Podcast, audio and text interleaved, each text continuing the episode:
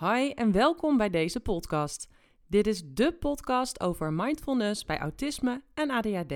Mijn naam is Lisa Minna en ik deel in deze podcast heel veel info en tips met je. Ik ben sinds ruim 20 jaar een actief mindfulness beoefenaar en ik heb ruim 15 jaar ervaring in het begeleiden van mensen met autisme en ADHD. Het samenbrengen van mindfulness bij autisme en ADHD bleek een gouden combinatie die ervoor zorgt dat je veel meer vanuit rust en ontspanning door het leven gaat en een groter gevoel van zelfvertrouwen en geluk ervaart. Veel plezier bij het luisteren van deze podcast. Hoi en welkom bij weer een nieuwe aflevering van deze podcast. En vandaag toch wel een wat andere aflevering dan mijn voorgaande afleveringen, want ik richt mij vandaag op alle ouders. Ouders van kinderen met autisme. En dus ook in deze aflevering maak ik een scheiding tussen autisme en ADHD. En waarom doe ik dat? Omdat ik ook verschillende voorbeelden zal aanhalen uit het leven van een kind. En met name ook jonge kinderen verschilt het toch best wel of, of het autisme heeft of ADHD. Het verschilt in het gedrag. En de voorbeelden die ik zal noemen met betrekking tot een kind met autisme zijn gewoon echt heel anders dan een kind met ADHD. En dus leek me makkelijker om dit even uit elkaar te trekken en in deze podcast me dus te richten op kinderen met autisme en ouders daarvan. En daar komt zeker nog een keer een podcast aan waarin ik me richt op ouders van kinderen met ADHD. En toch kun je ook wel deze podcast luisteren, want het principe blijft hetzelfde. De dingen die ik vertel zullen toepasbaar zijn op zowel bij ADHD als bij autisme. Alleen de voorbeelden die ik aanhaal zullen gewoon net even wat verschillen. dus mocht je willen luisteren terwijl je een kind met ADHD hebt, echt helemaal welkom. Vooral doen en je zult er zeker wat uithalen. Weet alleen dat de voorbeelden die ik noem veel meer aan zullen sluiten bij een kind met autisme. In deze podcast althans. Want er zullen nog vele podcasten volgen ook gericht op ouders en ook gericht op ADHD en ook natuurlijk autisme. En soms zal ik dat samenpakken en soms niet. En in dit geval trek ik het dus even uit elkaar. Goed, ik ga het vandaag hebben over mindful opvoeden van je kind met autisme. En wat betekent het mindful opvoeden nou precies? Mindful opvoeden betekent eigenlijk dat je heel bewust bent van wat jouw kind nodig hebt, maar zeker ook wat jij zelf nodig hebt. En dat je bewust bent van de relatie tussen jou en je kind. Dat je afstemt op je kind. En ja, dat je je kind accepteert zoals die is, maar ook jezelf accepteert. En ook wanneer het bijvoorbeeld allemaal even niet zo gaat zoals je wil, dat je daarin ja, toch een bepaalde mate van acceptatie en zelfliefde kan hebben.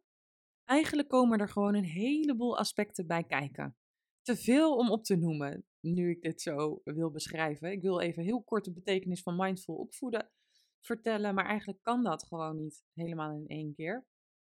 Omdat er gewoon zoveel aspecten bij komen kijken. Maar wat ik zelf een hele belangrijke vind, is het afstemmen van jou als ouder op je kind.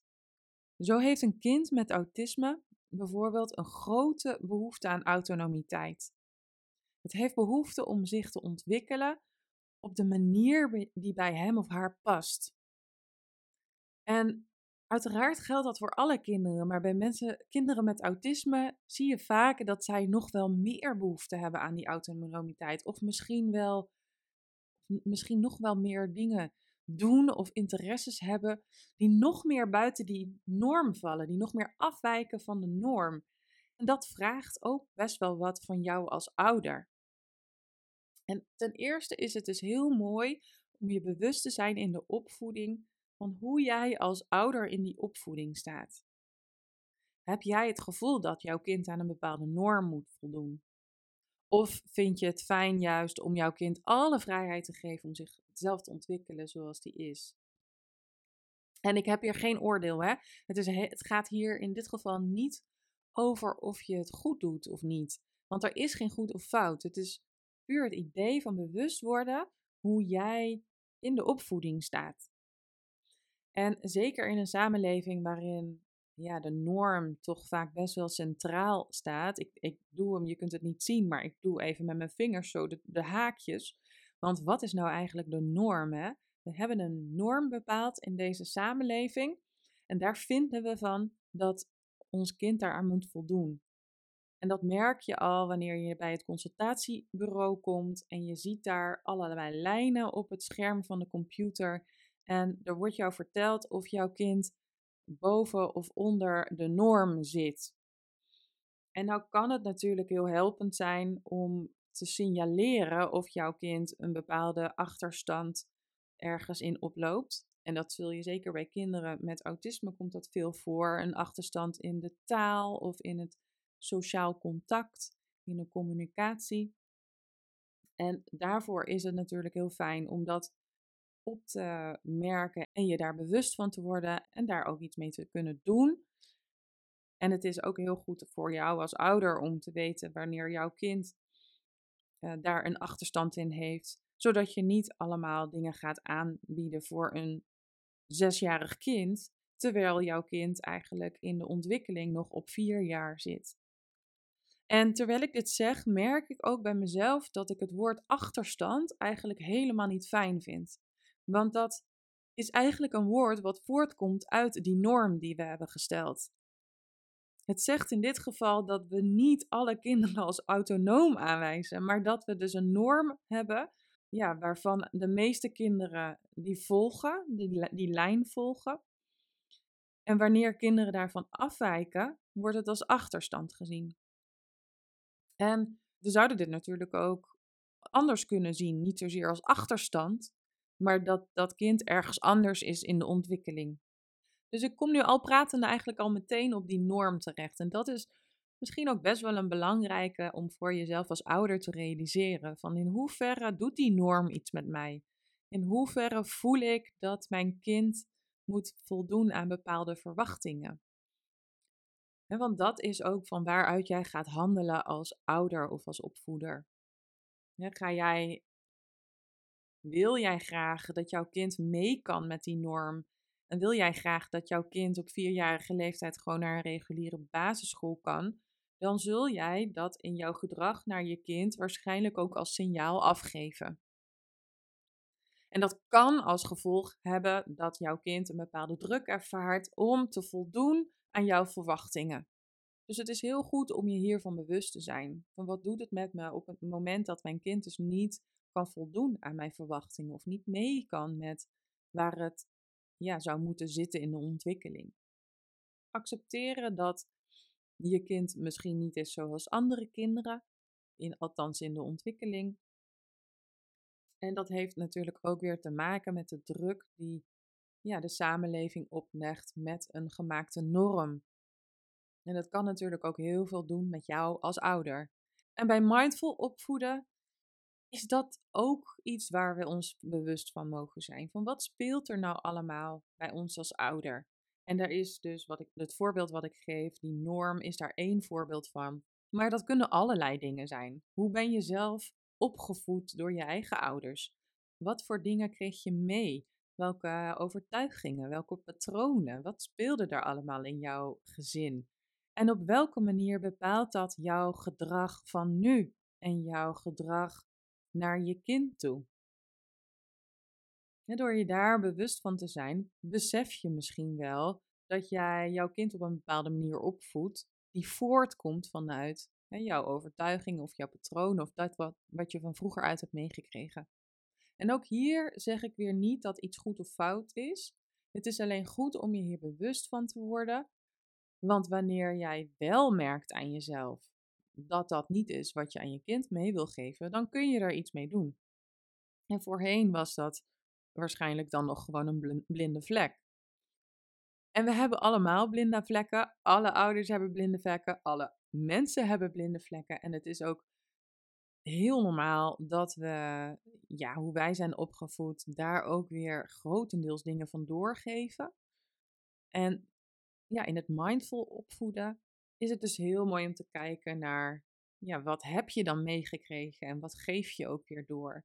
En als jij de keus hebt, wat zou je dan willen doorgeven? Wat wil je ze meegeven? Misschien is er wel iets wat je aan je kind mee wil geven, wat jij juist niet hebt ervaren in jouw opvoeding? dus op die manier kun je dingen ontdekken bij jezelf die jij belangrijk vindt. Wat vind je belangrijk om wel mee te geven aan je kind en wat vind je belangrijk om juist niet mee te geven aan je kind? En wanneer jij iets niet mee wil geven aan je kind, dan is vaak alleen maar het licht schijnen op hoe dat bij jou ging al voldoende. Dus stel dat jij vroeger als kind heel hard moest, moest werken om jou te bewijzen dat je eigenlijk alleen maar goedkeuring kreeg op het moment dat je iets goed had gedaan en dat je daarmee een onwijze bewijsdrang kreeg en heel erg op zoek was altijd naar bevestiging. En je merkt misschien nu dat je dat helemaal niet prettig hebt gevonden en dat dat jou vroeger als kind enorm veel druk gaf. En dan is dat misschien wel iets wat je helemaal niet juist aan je kind wil meegeven. Vaak doet het bewustwordingsproces al een heleboel in de oplossing hiervan. Namelijk dat jij je bewust wordt van hoe het vroeger ging. misschien gaat dit ook gepaard met emotie. En dan mag dat er ook zijn. Dan mag je dat ook gewoon uiten en loslaten. En alleen al door dit op te merken bij jezelf, wat dit allemaal jou heeft meegegeven, welke gevoelens jou dit heeft meegegeven. Alleen dat al, het, het licht schijnen op dat proces, dat is vaak al voldoende om te zorgen dat jij ja, deze patronen in ieder geval in mindere mate gaat meegeven aan jouw kind. En het zal er ook voor zorgen, wanneer je hier meer mee bezig bent, wanneer je meer bezig bent met hoe ben ik opgevoed en wat, welke overtuigingen kwamen daarbij. Het zal er al voor zorgen dat wanneer jij dit een keer wel ook naar jouw kind doet en handelt, dat je dat sneller opmerkt bij jezelf. En dat maakt dus dat je jezelf sneller kan herpakken en ervoor kan kiezen wat jij je kind meegeeft. Dus eigenlijk doorbreek jij hier een patroon die waarschijnlijk ook generaties lang is doorgegaan en meegegeven. Maar door ja, het bewust worden hiervan, het mindful, dit is eigenlijk het mindful opvoeden. Door dat bewust worden ervan kun jij ervoor kiezen om dat patroon niet mee te geven of juist wel mee te geven. Maar dan, je kunt er een keuze in maken en daar gaat het om. Dat jij die keuze kunt maken van hoe jij met jouw kind omgaat. En dat je dat niet meer doet vanuit een onbewust patroon. Voor een kind om autonoom te zijn, is het belangrijk dat het zich in alle rust en veiligheid kan ontwikkelen. En die rust en veiligheid, daar ben jij voor als ouder, om dat mee te geven. En ook daar kunnen we als ouder natuurlijk niet altijd aan voldoen. En ook dat is iets wat, ja, waar veel ouders zich schuldig over voelen wanneer er van alles gebeurt in de, in de situatie en wanneer misschien de, de leefsituatie niet optimaal is of dat er toch nog situaties zich voordoen die zorgen voor onrust in huis, voor spanning in huis. Ehm, en ook daar is het weer heel goed om je te beseffen dat het gewoon niet altijd perfect is. En dat dat de acceptatie mag zijn. En zelfs wanneer je merkt dat er spanning in het gezin is, dan nog kun je ervoor zorgen dat je je kind zoveel mogelijk ja, rust en veiligheid meegeeft. En dat doe je door in verbinding te blijven met je kind. En ik zal een voorbeeld geven. Misschien werkt dat makkelijker om dit punt te begrijpen. Stel dat jij, hè, je hebt eh, kinderen die al iets ouder zijn, 14 en 16, maar ook bij jonge kinderen werkt dit. En jij en je partner hebben ruzie gehad. En jullie gaan wel met z'n allen aan tafel zitten voor het avondeten. Want hè, dat is gewoon hoe het bij jullie gaat. En je vindt ook dat je kinderen er niet op onder hoeven te lijden. Dus jullie zitten s'avonds aan tafel. Maar er is wel een onwijze spanning tussen jullie voelbaar. En jullie kijken elkaar ook niet aan. Nou, een kind, hoe jong of oud ook, krijgt dit mee. Die voelt die spanning tussen ouders.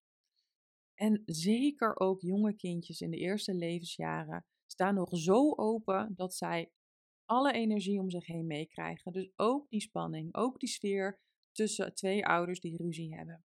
En dit is natuurlijk voor geen van allen een plezierige situatie. En toch kun je in zo'n situatie jouw kind veiligheid bieden. En dat is door uit te spreken wat zich voordoet. En je hoeft je kind natuurlijk niet uitgebreid te gaan vertellen over jullie ruzie en wat alle ins en outs zijn ervan. Nee, absoluut niet. Wat je wel kan zeggen, is iets in de trant van: we hebben wat frustraties naar elkaar en dat zul je misschien merken. Weet dat we dit ook weer gaan oplossen en jij hoeft daar nu op dit moment helemaal niks mee. En het is goed in dit geval ook om te benoemen dat een kindje hier helemaal niks mee hoeft te doen. Want zo hou je de verantwoordelijkheid bij jou als ouders. Je benoemt wel de sfeer die voelbaar is, dus jouw kind kan ook meteen plaatsen: oké, dat voel ik dus. Maar dat is van mijn ouders, daar hoef ik niks mee. En wellicht voelt een kind zich dan nog steeds oncomfortabel. En dan zou je er bijvoorbeeld aan toe kunnen voegen dat dat ook mag. Dat je oncomfortabel voelen, dat dat soms gebeurt en dat dat oké is. Als jullie oprecht intentie hebben om jullie ruzie bij te leggen en op te lossen, is dat ook een mooie om te noemen. We gaan er alles aan doen om dit weer op te lossen. Wat je hier eigenlijk doet, is duidelijkheid creëren voor jouw kind. Duidelijkheid creëren, helderheid scheppen in de situatie. Want een kindje krijgt hoe dan ook de sfeer mee. En hoe doe je dit dan met een babytje? Ik ben ervan overtuigd dat ondanks dat een baby nog niet de taal spreekt en nog niet de taal kan begrijpen, het toch de energie van jouw boodschap meekrijgt. Dus ik geef altijd als advies om toch gewoon uit te spreken wat er op dat moment is, wat er mogelijk voelbaar is voor jouw kindje. En ook om uit te spreken dat jouw kindje hier niks mee hoeft te doen en dat het de verantwoordelijkheid is van jou en je partner. En ook al zijn die woorden niet letterlijk te begrijpen voor een baby, ja, ik ben ervan overtuigd dat die energie wordt opgepikt. En helderheid scheppen in een situatie is iets waar zeker kinderen met autisme heel veel behoefte aan hebben. Kinderen met autisme zijn ontzettend gevoelig, staan heel erg open, pikken waarschijnlijk meer op dan kinderen zonder autisme. En ze pikken dus ook de sferen op. Dat wat er gaande is om zich heen, dat wat er gaande is bij jou. Als jij je gestrest voelt om wat dan ook, dan zal een kindje dat meekrijgen. Jouw kind die voelt dat aan. En dus is het altijd goed om die duidelijkheid te geven. En dat hoeft natuurlijk niet altijd. Hè. Als jij merkt dat jouw kind gewoon lekker in je vel zit, terwijl jij hartstikke gestrest bent, en jouw kindje is lekker aan het spelen met, met buiten of met anderen, dan hoef je echt niet alsnog te gaan benoemen dat jij gestrest bent. Maar wanneer jij merkt dat jouw kind erop reageert, dat je het idee hebt dat het op jou reageert, dan kun je er wel iets mee doen. Want dan kan het zorgen voor heel veel duidelijkheid bij je kind. En dan kun je bijvoorbeeld weer zeggen van, hé, hey, ik ben op dit moment een beetje gestrest. Dat zul je misschien merken. Jij hoeft er helemaal niks mee. En ik ben er voor je. En op deze manier creëer je helderheid. En dat zorgt ook voor die veiligheid. Dat zorgt ervoor dat een kind die rust en die veiligheid voelt. En weet, hé, hey, dit is er dus aan de hand. Ik, mijn moeder neemt hier de verantwoordelijkheid voor. Een kind zal dat niet zo in deze bewoording denken, maar het wel voelen. Dat wat jij voelt, hoeft een kind niet bij zich te bedragen. En je maakt er een duidelijke scheiding tussen, tussen jou en je kind, wanneer je dit uitspreekt. En dan zorg je daarmee ervoor dat jij die verantwoordelijkheid op je neemt. Nogmaals, je hoeft het natuurlijk niet te pas en te onpas te doen wanneer jij merkt dat jouw kind hier helemaal geen last van heeft. Of wanneer jouw kind uit logeren is of, hè, of gewoon lekker zijn of haar ding doet. Maar wanneer je opmerkt bij je kind dat er iets gaande is, dan zal het zeer waarschijnlijk ook kunnen zijn dat waar jij mee zit, dat, je dat, dat jouw kind dat merkt. En dat jouw kind niet zo goed kan plaatsen wat het is en het daarmee eigenlijk ja, bij zich blijft dragen.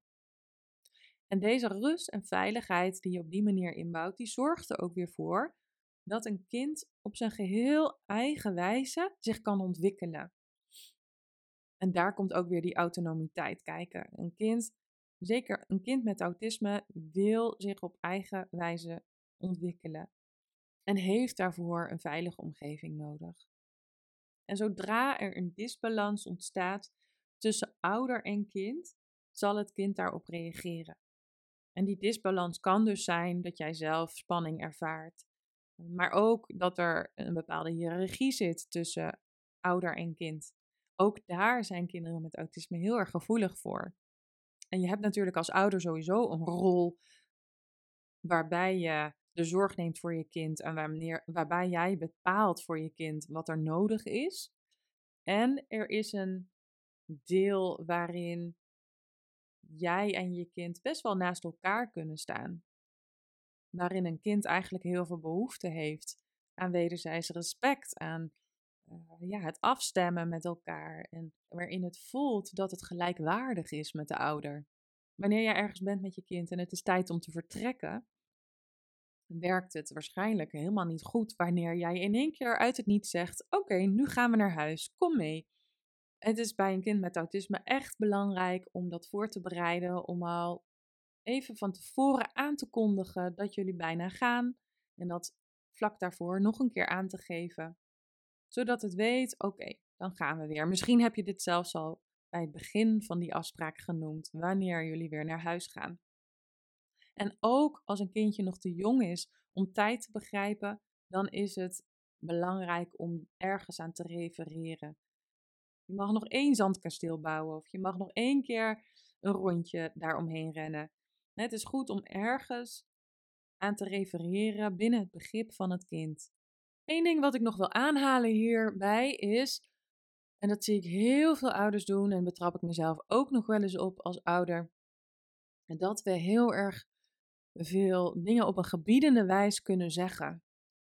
Dus nee, dat moet je niet zo doen. Doe dit of pak dit eens even. Dit is niet goed voor je. Dat is gevaarlijk. Dus niet doen. En ook hierbij is het natuurlijk helemaal niet erg om, ja, dat we dit doen met z'n allen. Het is wel goed, denk ik, om je hier bewust van te zijn in welke mate je dit doet. Het is namelijk zo dat deze gebiedende wijs ergens ook weer zorgt voor een disbalans tussen ouder en kind. Want jij gaat bepalen voor het kind wat het wel en niet mag. En dat is natuurlijk ook in bepaalde mate je rol als ouder. Jij bepaalt ook. En toch is het mooi om te kijken of je hierin wel de gelijkwaardigheid kan bewaren. Want als volwassenen vinden we het ook niet fijn als we de hele tijd zeggen: dit mag niet of doe eens even anders. En dan vinden we dat ook geen prettige manier van communiceren. Dus bij jouw kind is het ook mooi om te kijken of je hierin een bepaalde mate van gelijkwaardigheid kunt bewaren. En soms is het gewoon niet anders. Geef je je grens aan en zeg je, uh, zeg je daarmee eigenlijk tot hier niet verder. En in heel veel gevallen is het zo dat het ook best wel op een andere manier verwoord had kunnen worden. Bijvoorbeeld wanneer een kind aan het spelen is en je ziet dat het loopt te prutsen, met zandkastelen bouwen. En misschien heb jij wel heel erg de neiging om daar tussen te komen, om te laten zien hoe het moet. Nou, ten eerste denk ik dat het heel mooi is om een kind lekker, lekker te laten prutsen. Dat prutsen is gewoon helemaal onderdeel van het leerproces. Wat wij voor ogen hebben, wat goed is en wat niet. Wanneer een zandkasteel goed gelukt is en wat niet, daar is een kind helemaal niet mee bezig. Een kind is alleen aan het oefenen. En ook voor bijvoorbeeld de motoriek is het gewoon heel goed om een kind lekker te laten oefenen. Daar hoef je dan helemaal niet tussen te komen. Maar het kan misschien zijn dat jij de neiging hebt om te laten zien hoe het dan wel moet. Of dat je kindje vraagt om hulp. En wat heel mooi is om te doen, is om in plaats van bijvoorbeeld te zeggen van je moet het zus of zo doen, dat je zegt, goh, kijk eens, je kan het ook zo doen of je kan het zo doen. Dat je een soort van iets aanbiedt waar je kind dan weer zelf uit mag kiezen hoe het het wil doen. Met wanneer jij op een gebiedende wijze zegt je moet het zus of zo doen, dan heeft een kind eigenlijk geen keus om iets anders te doen. Of om er wel of niet voor te kiezen. Wanneer jij het brengt in de zin van uh, je zou het ook zo kunnen doen, of je kan het op deze manier doen, en dan geef je een voorbeeld, dan laat je eigenlijk de ruimte aan het kind om te kiezen of, of, zij, of hij of zij dat wil.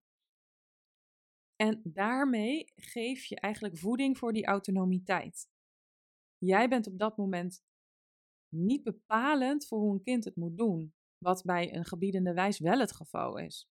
Maar wanneer jij het op deze manier zegt, wanneer je het aanbiedt, dan kan een kind zelf beslissen En dan groeit de autonomiteit. Goed, ik kom hiermee bij de afronding van deze podcastaflevering. Mocht je dit nou heel interessant vinden en wil je graag op de hoogte blijven van nog meer informatie rondom het opvoeden van je kinderen met autisme of met ADHD, laat me dat dan even weten. Schrijf je in voor de nieuwsbrief. Ik ben ook van plan hier meer podcasts over op te nemen en hier waarschijnlijk ook nog een cursus over te gaan maken. Dus mocht je dit interessant vinden, laat dan vooral je mailadres achter of stuur me even een mailtje waarin je aangeeft dat je hier interesse in hebt. Je kunt een bericht achterlaten en je inschrijven voor de nieuwsbrief op mijn website www.lisaminna.nl. En ook op mijn Instagram of LinkedIn kun jij een berichtje achterlaten wanneer je interesse hebt in een cursus die er zeer waarschijnlijk aan gaat komen op termijn. Heel erg bedankt voor het luisteren. Ik wens je een hele fijne dag en tot de volgende podcast. Dag!